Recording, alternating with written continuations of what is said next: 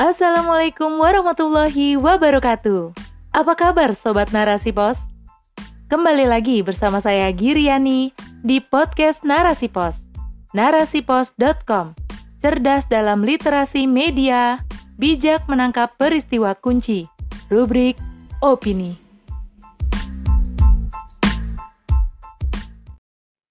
Dunia membutuhkan sistem Islam oleh Mariatul Kiptiah, SPD.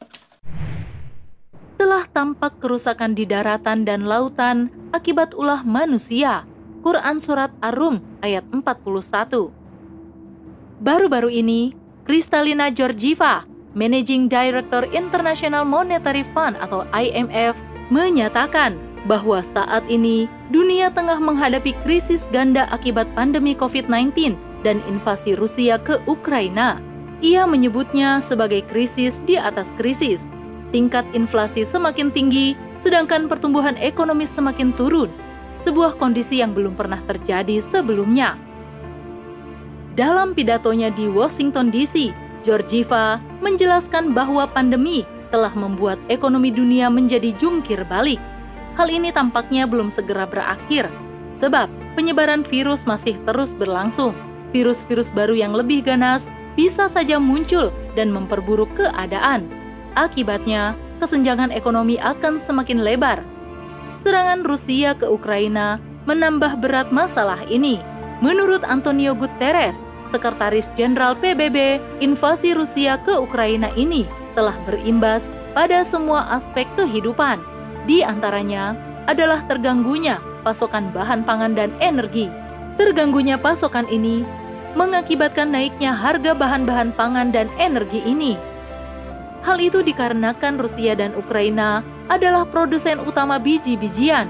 Kedua negara itu menyumbang sepertiga ekspor global.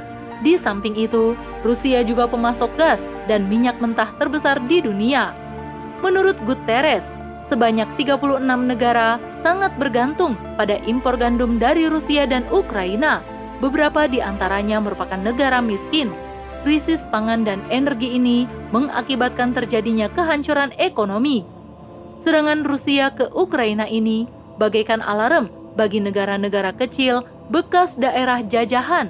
Mereka pun sibuk mempersiapkan diri untuk menghadapi situasi seperti yang dialami Ukraina seperti Taiwan yang dianggap sebagai provinsi yang membelot oleh Cina. Negara pulau itu berusaha meningkatkan pengawasan dan kewaspadaan terhadap kegiatan militer di Selat Taiwan. Taiwan bahkan telah memberikan pengarahan kepada warga negaranya jika Cina sewaktu-waktu menyerang negara yang menjadi penguasa semikonduktor dunia itu. Melalui buku pertahanan sipil, dijelaskan apa saja yang harus dilakukan, di mana harus berlindung, serta berbagai persiapan perang lainnya. Di samping memperkuat pertahanan militer, negara-negara yang merasa terancam itu juga berusaha untuk mencari sekutu yang mampu melindungi mereka, seperti yang dilakukan oleh Swedia dan Finlandia yang memilih bergabung dengan NATO.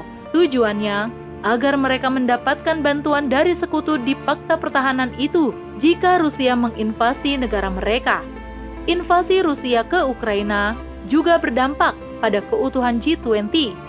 Sebagian anggotanya tidak menghendaki keberadaan Rusia, sementara sebagian lainnya berusaha untuk netral.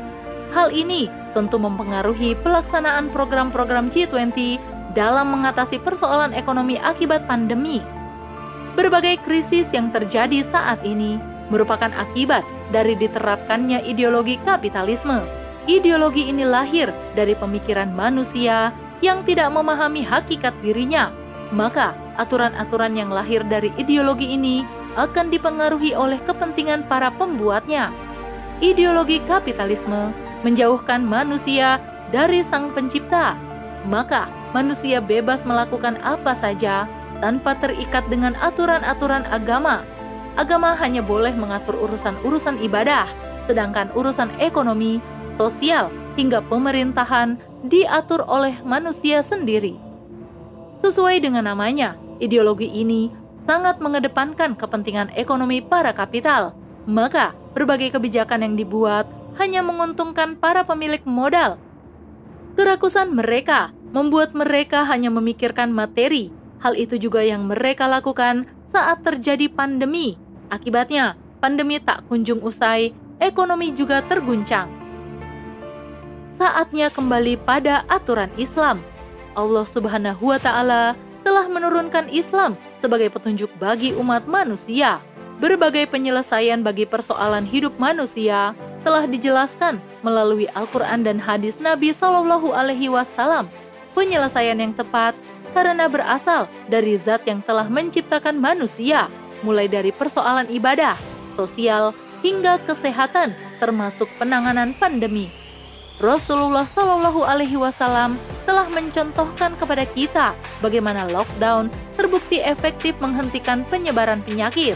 Dengan cara ini, wabah pun dapat segera diatasi, maka korban yang lebih banyak dapat dihindari. Semestinya, penyelesaian inilah yang diambil. Sayangnya, para pemimpin di dunia, termasuk di negeri-negeri Muslim, enggan untuk menggunakan cara ini mereka lebih mementingkan pertumbuhan ekonomi tanpa memikirkan keselamatan dan kesehatan rakyat. Demikian pula dalam penyelesaian persoalan lainnya, Islam telah terbukti berhasil menyejahterakan masyarakat, memberi rasa aman dan kebaikan-kebaikan lainnya. Karena itu, sudah sewajarnya jika kita kembali menerapkan Islam.